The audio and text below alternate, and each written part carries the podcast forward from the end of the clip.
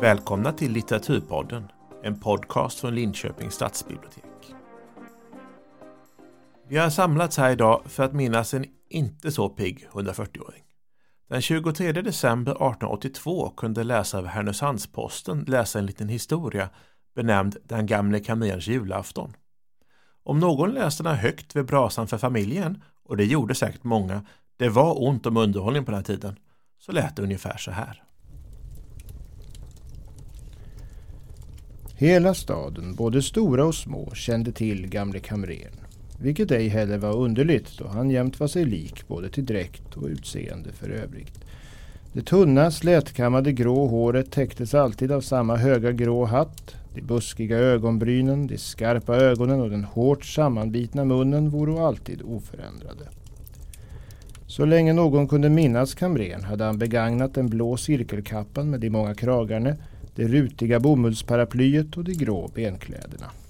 De stora galoscherna vore under namnet Båtarne, kända bland stadens pojkar. Klapp, klapp gödo de mot de knaggliga stengatorna. Den gamle kamrern såg rolig ut tyckte mången, men ingen torde säga det. Ty ungdomen var rädd för gubben som bister och ensam gick sin väg fram. Varifrån kamrern kommit, vad han i sin ungdom varit, det kände ingen. Nu skrev han åt folk, hjälpte till med räkenskaper och därför kallades han kamren, ty något ska ju folk kallas. Inte blev väl förtjänsten så stor, men så behövde ej heller kamren så mycket, där han bodde på sitt vindsrum dit ingen kom in om ej någon hade ärende till honom. Kamren behövde ej heller bjuda främmande, det är då sant, ty han gick aldrig bort annat än för sitt arbetes skull, den gamle enstöringen. Julafton hade kommit och just då börjar vår historia. På förmiddagen skyndade folk åter och fram på gatorna. I bodarna var fullt med människor och julklappar inköptes, inslogos och lackades. På torget stod många julgranar, både stora och små, att köparna skulle få välja efter tycke och smak och de vackra gröna träden hade god åtgång. På eftermiddagen blev det mera stilla och då kvällen kom var det så tyst ute. Men i fönstren tändes ljus efter ljus, både i rikemans ståtliga rum och fattigmans låga käll. Ty julen är en så välsignad tid att folk delar med sig åt varandra, att ingen alldeles ska sakna julglädjen. På gatorna vandrade gamle kamren ensam mot sitt ensliga tysta hem som han gjort det i många, många år. Då och då trängde ljudet av glada röster till hans öron. Skuggor rörde sig livligt på gardinerna och en och annan vandrare skyndade med brådskande steg förbi honom. Jaha, det är julafton, sa han för sig själv, men tyst så att ingen hörde det. Julafton. Han stannade en stund liksom något särskilt kommit för hans tankar.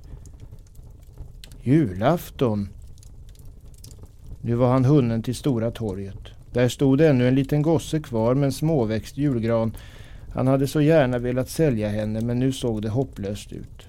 Kamren stannade bredvid det lilla julträdet. Vad tar du för granen? frågade han skyggt som om han ansett det dumt att göra en sådan fråga.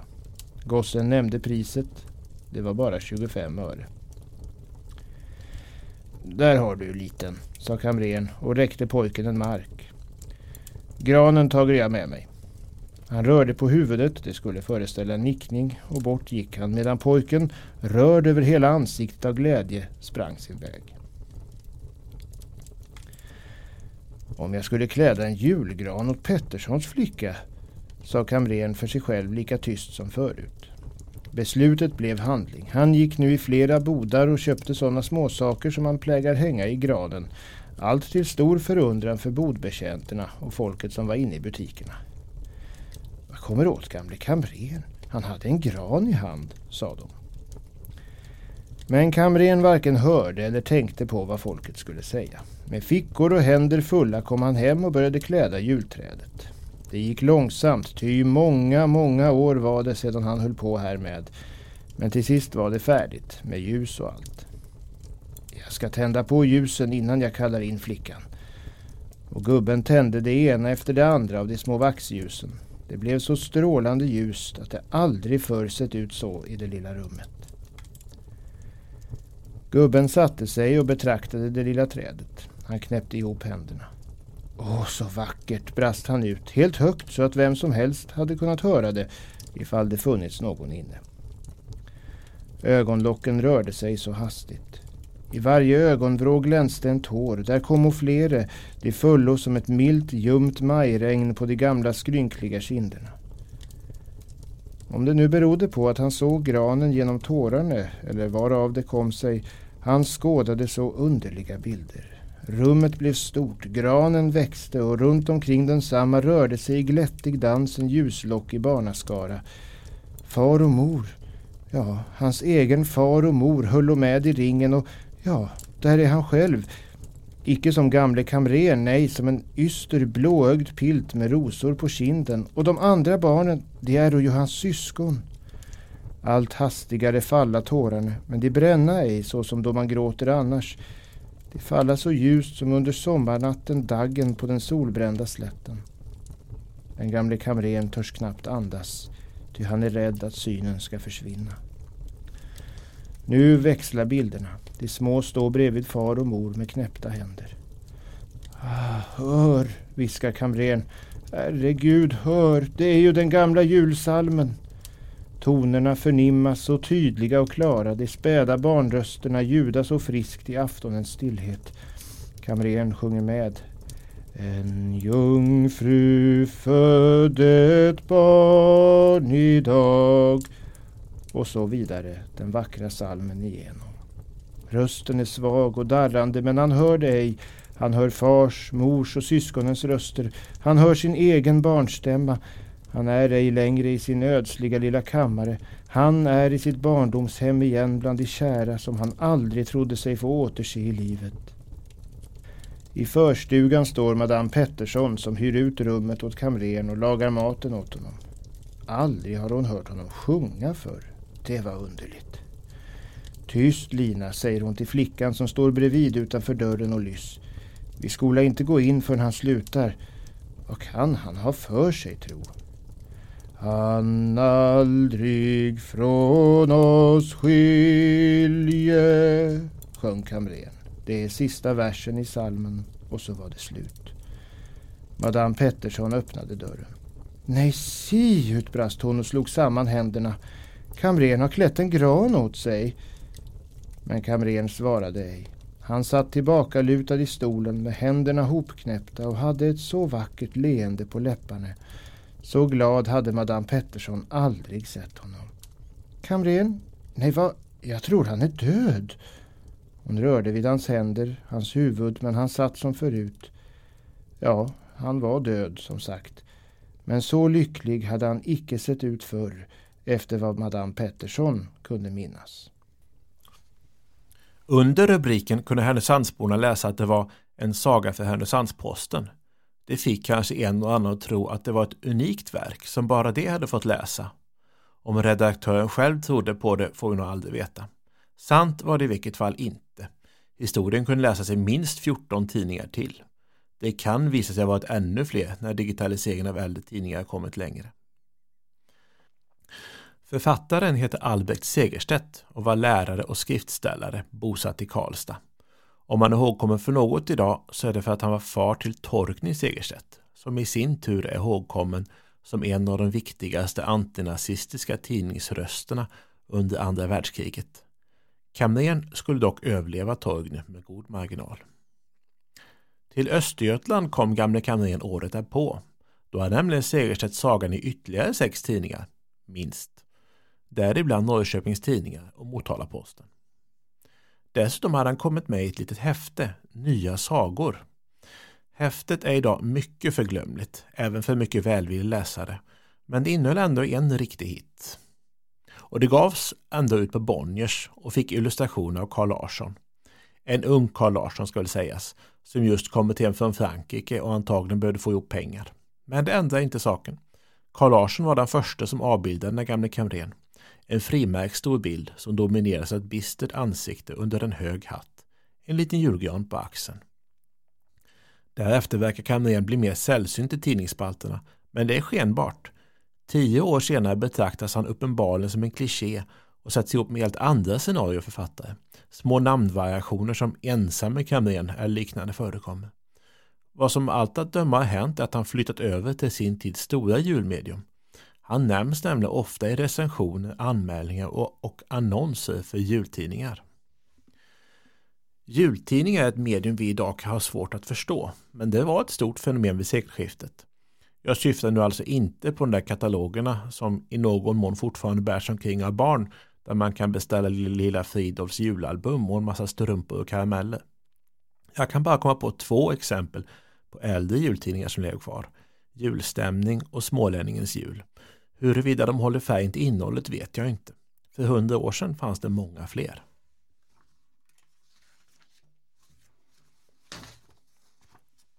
En jultidning kan vara ett specialnummer av en befintlig tidskrift såsom Strix eller Söndagsnisse.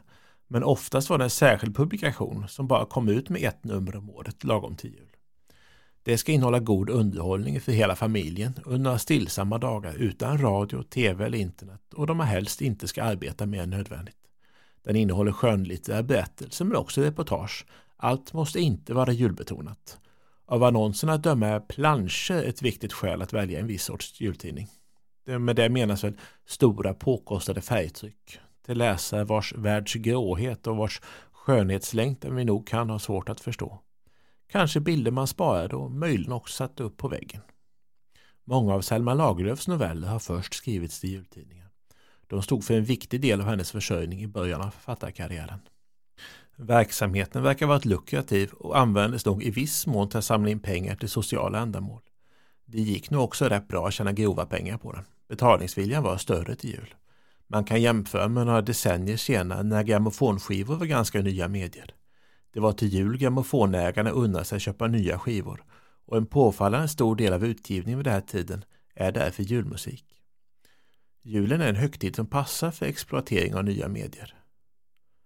Adventskalendrar slår mynt av färgtryck. I våra dagar lär det finnas många rätt krattiga julfilmer inspelade direkt åt amerikanska tv-kanaler. Romaner med julmotiv har blivit en stor underavdelning av feelgood-genren de senaste åren. Nå, åter till Cambrén. Vi återvänder med en mer samtidskommenterande text, närmare bestämt en text som kommenterar varubristen under första världskriget. I tidningen Göteborgs Aftonblad kunde man på julafton 1917 läsa följande under rubriken Den gamle kamren i ny upplaga. Signaturen syns dåligt men tycks vara patt eller pet eller något liknande. Jag har alltid hört att det till varje välordnad jul hör en berättelse om en julkamrer som är ungkar. Det har jag hört under hela mitt liv fast det icke har varit så långt ännu. Och det är alltså tradition, för mig åtminstone. Julkamrern är en snäll man men en ensam man. Han har icke direkt ont om pengar, han kan allt skaffa sig en hel del till jul. Men han är ungkar och sitter och är sorgsen inför sina läckerheter. Han tänker på en flicka som var ung och glad och munter och som han var kär i men som en annan tog. Och så blev hon fattig och sjuk och så dog hon och så fick han reda på att hon alltid älskat honom och så sänder han 200 kronor till hennes barn etc. Så vill jag ha min julkamrer. Men då måste det finnas de yttre bättre förutsättningarna. I år är den gamle julkamreren en helt annan man.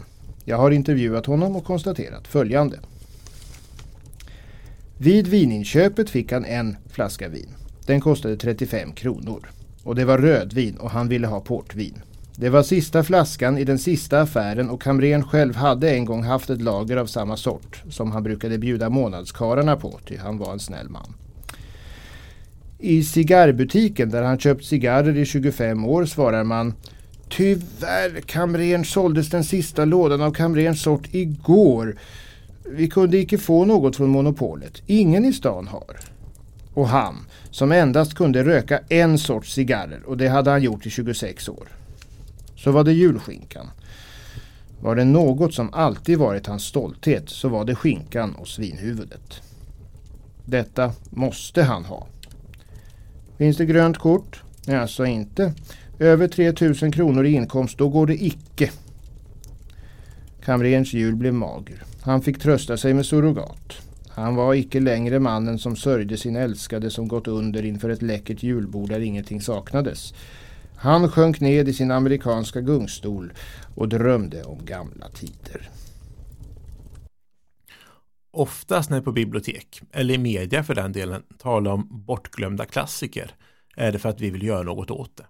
Skaka av dammet och väcka liv i skrället. Lyfta fram och säga se här vad ni höll på att glömma bort. Det här är en viktig del av ert kulturarv att hålla liv i. Så är det inte riktigt idag. De allra flesta texterna om kamrern kan sägas vara rättvist glömda. De var heller inte menade för evigheten utan för att ge läsaren fem behagliga minuter och författaren pengar till skrädderiräkningen. Vissa av dem har kulturhistoriskt intresse, som den i Strix julnummer 1912, den gamla kamrerns julafton. Texten påstås vara saxad ur Strix julnummer 2012 och handlar om en kvinnlig kamrer som gör sådant gamla kamrer gör. Sitter ensam och dricker och tänker på en ung man hon borde gift sig med men som det inte blir någonting med. Hon avslutar kvällen med att läsa en broschyr som argumenterar för mannens emancipation. Det är lite roligt idag eftersom det är ett konkret bevis på att tugget om att feminismen är på väg att gå för långt och övergå i mansförtryck är över hundra år gammalt. Många texter har inte en sån poäng för dagens läsare. Däremot kan det ha en visst intresse i sig att se hur många gånger en historia kan varieras under decenniernas lopp. Att vi lyfter fram kamren idag är mest för att det är kul. Men visst finns det texter som är ovanligt inspirerade. Vi ska läsa ytterligare några och det är författare som vi högaktar och män på lite olika sätt. De hade olika framtoning och inriktning. Utforska gärna de författarskapen vidare. Men någon kamrer-revival på bred front lär vi inte få se. Vad Segerstedt råkade göra och som hans efterföljare utnyttjade och hjälpte till med var att skapa en svensk arketyp. Om julen är barnens, glädjens och gemenskapens tid är kamren motsatsen. Han är gammal, inte sällan sorgsen eller känslomässigt bedövad och framförallt ensam. Julen är ett obekymrat slöseri. Han har förverkat sitt liv på att hålla ordning på pengar, andras pengar. Som arketyp är han, om man så vill, väldigt svenskt lagom.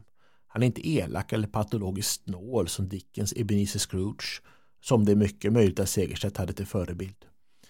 Kamrern skulle antagligen bli tråkig om man försökte fylla en alldeles för tunn bok med honom, men till en tidningsspalt fungerar han mycket bra. Vi tar en kamrer till, en rätt modern nu. Vår tredje kamrer är skapad av Per Rådström och först publicerad någon gång 1948-49. Vi har lånat den ur boken Fångat i flykten där den finns återgiven. Han hade annonserat i flera år. Sammanlagt hade han fått omkring 60 svar. Han hade dem alla i byrålådan. Svar till delad julglädje, dubbel julglädje. Han var nykter och skötsam, 40 år tjänsteman med pension, glad och med humor. Svar till delad julglädje, dubbel julglädje. Det var bara ett fel på allt sammans. Han hade läst alla svaren, så spänningen var borta. Att han i sin tur skulle ha svarat på något av dem hade aldrig fallit honom in. Och så var det julafton. Klockan elva i morse hade chefen kommit in med ett paket till honom. Till barnen, hade chefen sagt. Och en liten sak till frun. Och, och så en riktigt, riktigt god jul, kamrer Bengtsson. Jag ber att få önska detsamma, sa kamrer Bengtsson. Alla på firman trodde att han var gift och hade två barn. En son Anders som var, låt mig se, han måste vara 12 år nu och en flicka Kristina som var 8. För 13 år sedan hade han begärt löneförhöjning för att han skulle gifta sig. Ett år senare för att han skulle ha en son. Ytterligare två år senare för att han skulle flytta till en större lägenhet. Två år till för att han hade fått en dotter. Sen hade det gått av sig självt. Varför skulle han ha det sämre? Bara för att han var ungkar. Han bodde i en fyrarumslägenhet med sängkammare där det stod en jättelik dubbelsäng. Ibland när han hade haft folk hemma från kontoret hade han sagt att tanten och ungarna var bortresta. De hade själva fått titta på dubbelsängen.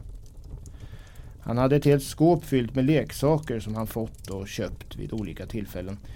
I en byrålåda hade han silkesunderkläder och strumpor. Han var till ytterlighet noggrann. Hans största triumf var när han överraskat chefen på en bjudning öppnande en garderob fylld med klänningar. Men nu var det julafton. Kamrens egen ensamma julafton. Han hade bara gett bort en julklapp. Det var till fröken Jonsson som var ny på arbetet. Hon var bara 22 år och kom direkt från Moholm. Hon kände inte en själ i Stockholm den stackaren, tänkte kamrern och köpte ett presentkort i en strumpaffär och band fast det vid en hyacint. Hon hade rodnat så vackert. Stackars liten, tänkte kamrern, alldeles ensam. Vid tvåtiden hade han tillsammans med Sjösten gått in på EPA för att köpa några småsaker han glömt. De hade köpt Fia-spel, en träanka som gick av sig själv och röda i ansiktet hade firmans båda kamrerer stått bredvid varandra och skrattat åt lösnäsor och en nickande kalanka. Det är något visst med julen i alla fall, sa Sjösten. Ja, i all synnerhet när man har småttingar, sa kamrer Bengtsson och så hade de skilts. Kamrer Bengtsson fick brott när han kom hem. Först slog han på radion och tände de elektriska julgransljusen och stjärnan. Sen ut i köket och duka. Julskinkan plockade han fram ur silkespappret. Allt var garnerat och färdigt. Det var bara rödkålen som skulle värmas och ja visst spadet och, och så mumman skulle göras och så... Det stod bara en tallrik på bordet. Kamrer Bengtssons ögon rann långsamt ihop till två små drömmande pölar och han började liksom i trans duka för fyra. På vardera av barnens tallrikar ställde han en marsipangris. Först klockan sex var han färdig med dukningen. Det ringde på telefonen. Han hörde det inte till en början. Jag svarar inte, tänkte han. Men å andra sidan, det kan vara någon från kontoret. Han svarade, men de hade redan lagt på luren på andra sidan.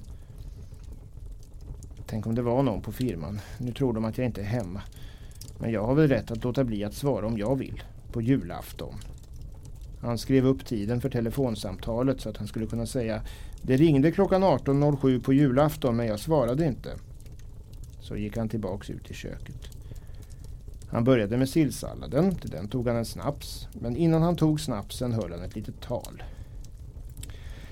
Stina, mitt hjärta, och du Anders och du lilla Kristina. Nu är det jul igen. Och när jag sitter så här hemtrevligt tillsammans med er och äter julmiddagen så tänker jag ofta på hur ensamt det var innan jag hade er. Innan jag träffade dig Stina. Innan vi fick dig Anders och innan du kom till världen Lillan. Han brukade kalla Kristina för Lillan ibland. Det finns bara en form för mänskligt umgänge som är acceptabel och det är äktenskapet, familjen. Han märkte att han höll på att glida in i det tal han hållit när kamraterna på firman bjudit honom på fest veckan innan han skulle gifta sig. Han tog ett tag i slipsen med den vänstra handen och höll darrande snapsglaset med den högra. Och dubbelt roligt har det blivit för oss, er mamma och mig, sen ni kom till. Ty kom ihåg det att delad julglädje är dubbel julglädje. Och så en riktigt god jul på er allesammans. Skål käraste och, och skål Anders och, och skål på dig lilla Kristina. Och upp ur all julmaten hörde kamrern ett svagt skål. Var det ett under? Eller var det en ny ringning? Han satte ner glaset. Det var telefonen. Förlåt mig, sa han och vek ihop servetten. Det är bäst jag svarar. Det är nog till mig.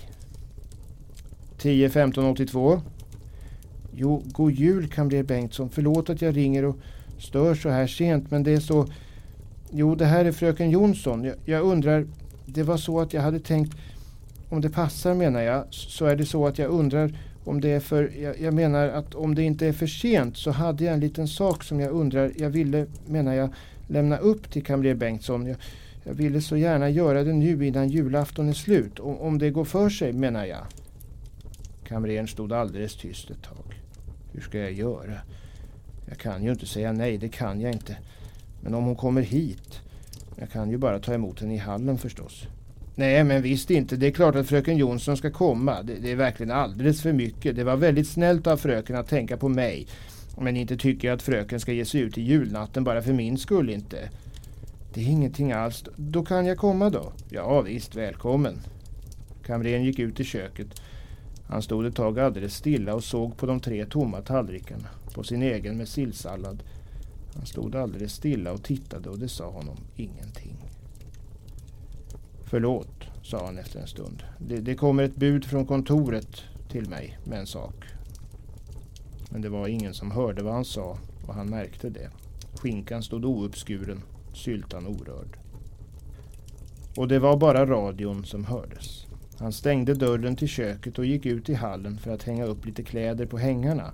Sin hustrus kappa, Anders trenchcoat. Men han orkade inte. Han stod orörlig på hallgolvet när det ringde på dörren. Han öppnade. Det var fröken Jonsson. God jul, sa han. God jul, sa hon. Vill ni inte stiga in? Hon kom in i hallen, såg på den tomma hatthyllan, alla klädhängarna. Kamrer Bengtssons hatt och rock hängde längst in i ett hörn. Är ni ensam? frågade hon. Ja, sa han. Min svärmor ligger för döden så min hustru och mina barn var tvungna att ge sig iväg till Norrtälje där hon ligger. Min svärmor alltså. Så verkligen vidrigt förargligt, sa fröken Jonsson. På julafton och allting. Har ni mycket bråttom? frågade han. Kan ni inte ta av kappan ett tag och sitta ner? Jo tack gärna, sa hon. Det var första gången som en kvinna varit i hans hem. Det vill säga städerskor och extrahjälpar hade ju varit där och portvaktsfrun någon gång. Men aldrig någon som fröken Jonsson. Han tänkte på det när han hjälpte henne av med kappan. Som halsen på en giraff böjde han sig fram och betade av doften av hennes hår. Är ni hungrig? frågade han. Jag höll just på att äta. Lite senare satt de båda två i köket och åt. Ni måste ha en mycket duktig fru som lagar så god mat, sa fröken Jonsson. Ja, svarade han.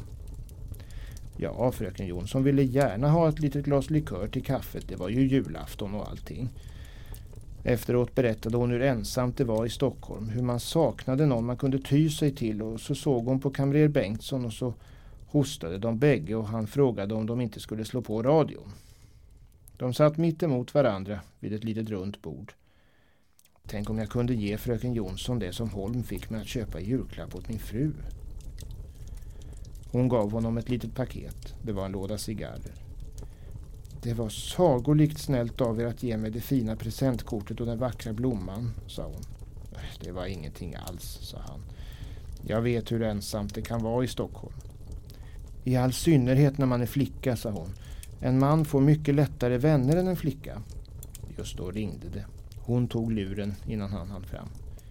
Det är Riks, sa hon. Förlåt mig, jag, jag borde kanske inte ha svarat. Hallå? Ja, det är 10 15 82. Från Norrtälje, jaha. Det var hans syster i Norrtälje. Hon ringde varje julafton och önskade god jul. Det var snällt du ringde, sa han. Hur är det nu? Jo, det är bra tack. Hur mår du själv? Jo, det är bara bra. Då kommer du på annandagen då? Vad menar du? Ja, det var, det var bra det. Och hur mår barnen? Vilka barn? Jag har inga barn. Det var snällt. Väl välkommen hem. Adjö och hälsa de små. Han la på luren. Hur var det? det? det? var väl ingenting tråkigt, sa fröken Jonsson. Nej, inte alls, sa han. Hon gick igenom. Jaså? Men stämningen ville inte komma tillbaks. De satt ett tag och pratade om olika människor på firman. Sen sa fröken Jonsson att hon måste gå och när han hjälpte henne på med kappan kände han än en gång doften av hennes hår. Och med ett sista god jul försvann hon nerför trapporna. Kamrer Bengtsson var åter ensam. Fast på ett helt annat sätt. Han var riktigt ensam. På fjärde dagen skulle han vara tillbaks på kontoret igen. Innan vi går vidare bör jag nog säga att det här såklart inte är en helt täckande och rättvis redogörelse. Den stora avhandlingen om den gamle Camus julafton återstår att skriva. Jag gjorde ett försök att teckna linjerna i en essä häromåret. Den kan ni hitta i Retriever, mediearkivet också kallat, om ert bibliotek har den tjänsten. Annars kan ni höra av er så skickar jag den.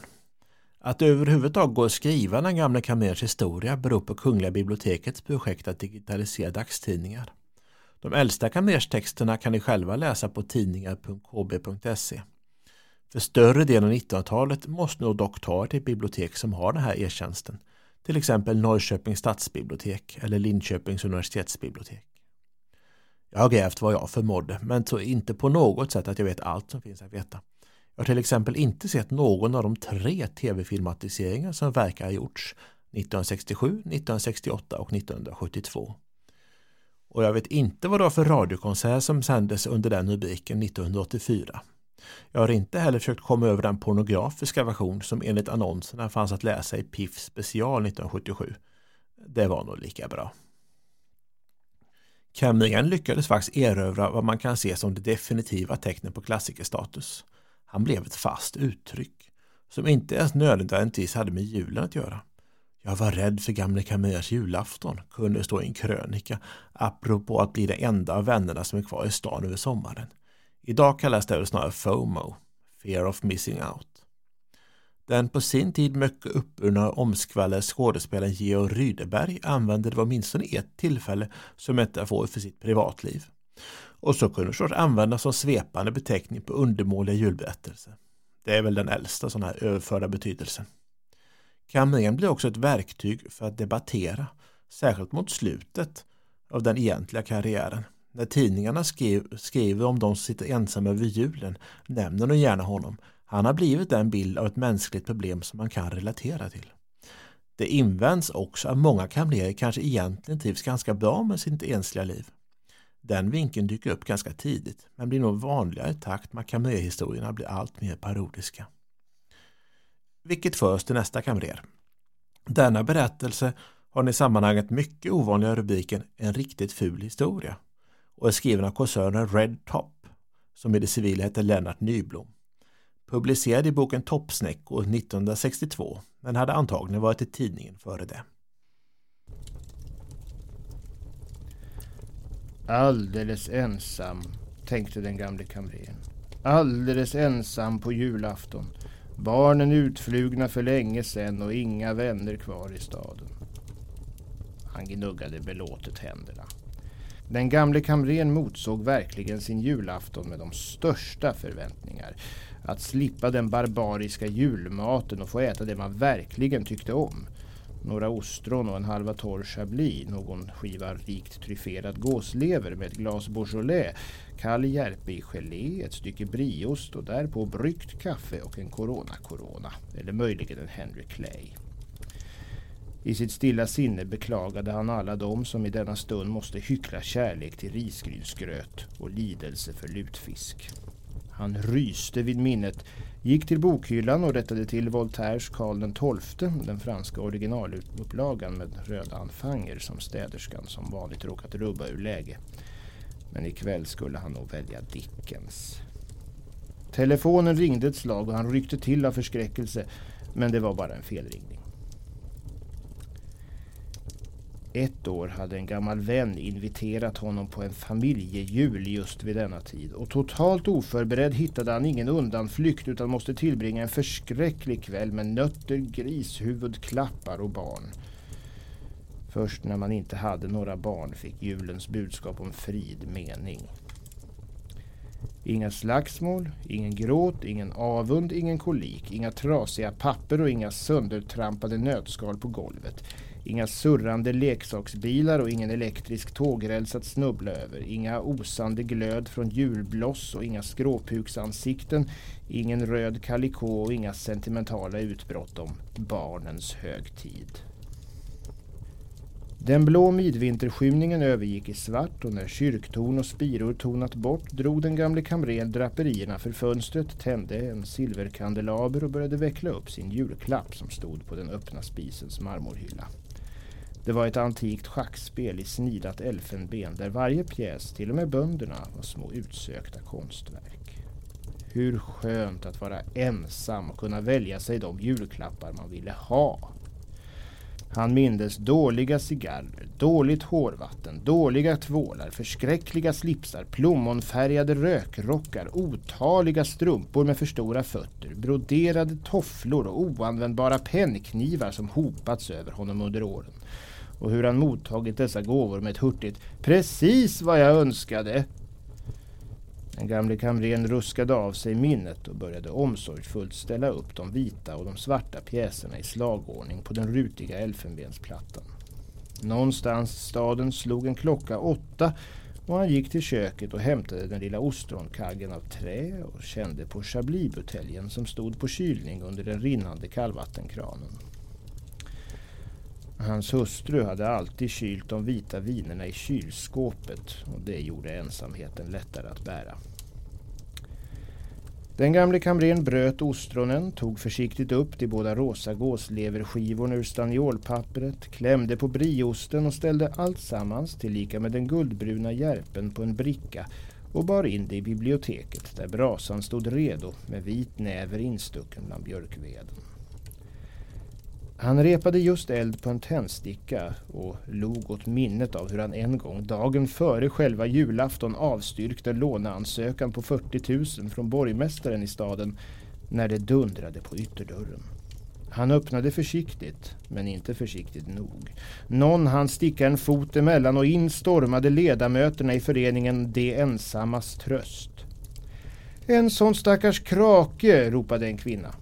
Alldeles ensam, konstaterade en herre i svart kostym. Inga barn, skrek en tredje. Ingen gran och inget riktigt julbord, jublade en fjärde. Och så kopplade de ett stadigt grepp kring den gamle kamrern och släpade trots hans ursinniga protester iväg med honom till de ensammas lokal där dansen kring juleträdet just börjat.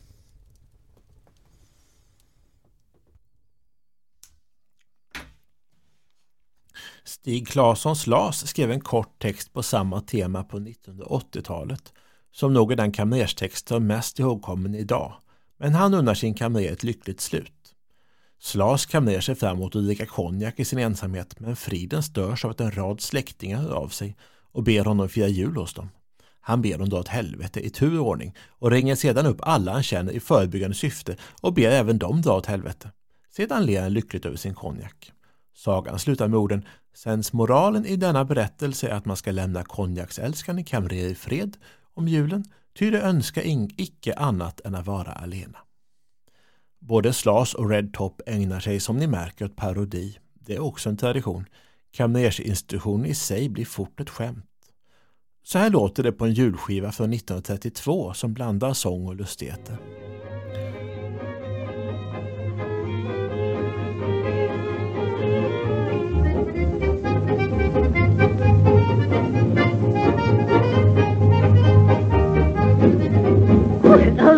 Vara med i svängen va? Kära barn, det var annat förr i världen. Nu får jag trösta mig med att läsa den gamle kamrens julafton. Det har jag gjort i många herrans år. Det vill säga det är olika författare varje gång med samma historia. En tidig början, något decennium eller så, kunde han tas på sitt fulla sentimentala allvar. Sedan blev det för löjligt för att inte driva med. Men så lukrativt att skriverierna fortsätter. Skribenterna lär sig också att äta kakan och ha den kvar. Först raljerar de över att en historia måste handla om en kamrer och sedan glider de över de vanliga hjärteknipande poängerna om återvunna vänner eller förlorade kärlekar.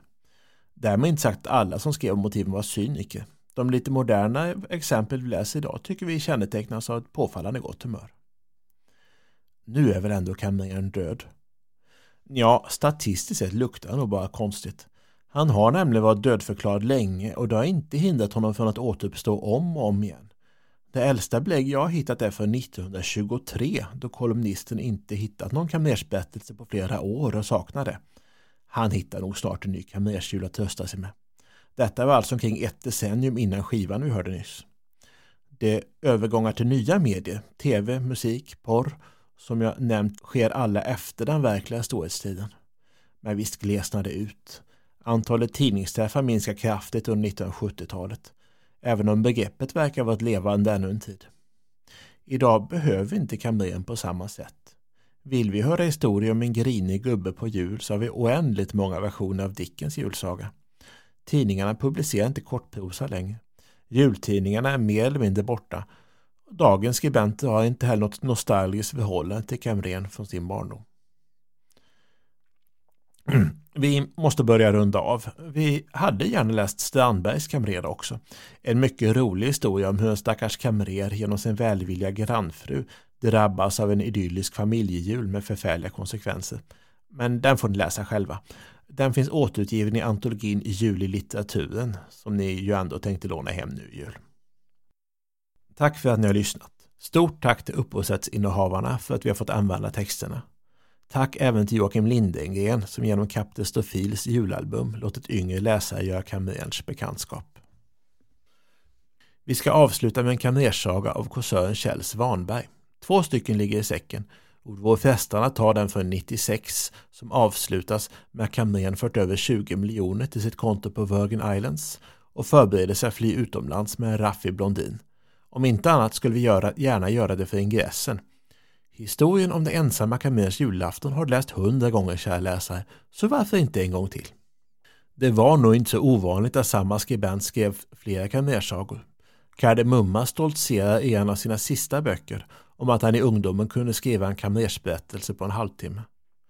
Vi har hur som helst valt att sluta med att visa kamrers väg in i framtiden med en text från Dagens Nyheters namn och nytt-sida. Det är den sista originalkamrershistorien vi hittat.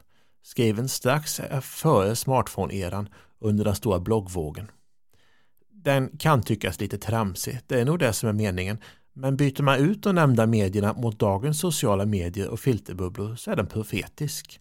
Kamrern är inte lika ensam längre. Vi ber att få önska kamrerare av alla åldrar och kön en riktigt god jul. Nu ska Albin lägga på en sista klabbe på brasan och Love ska få läsa en sista gång. Vi ger er Ensam med kamrers julafton, The 2006 Remix.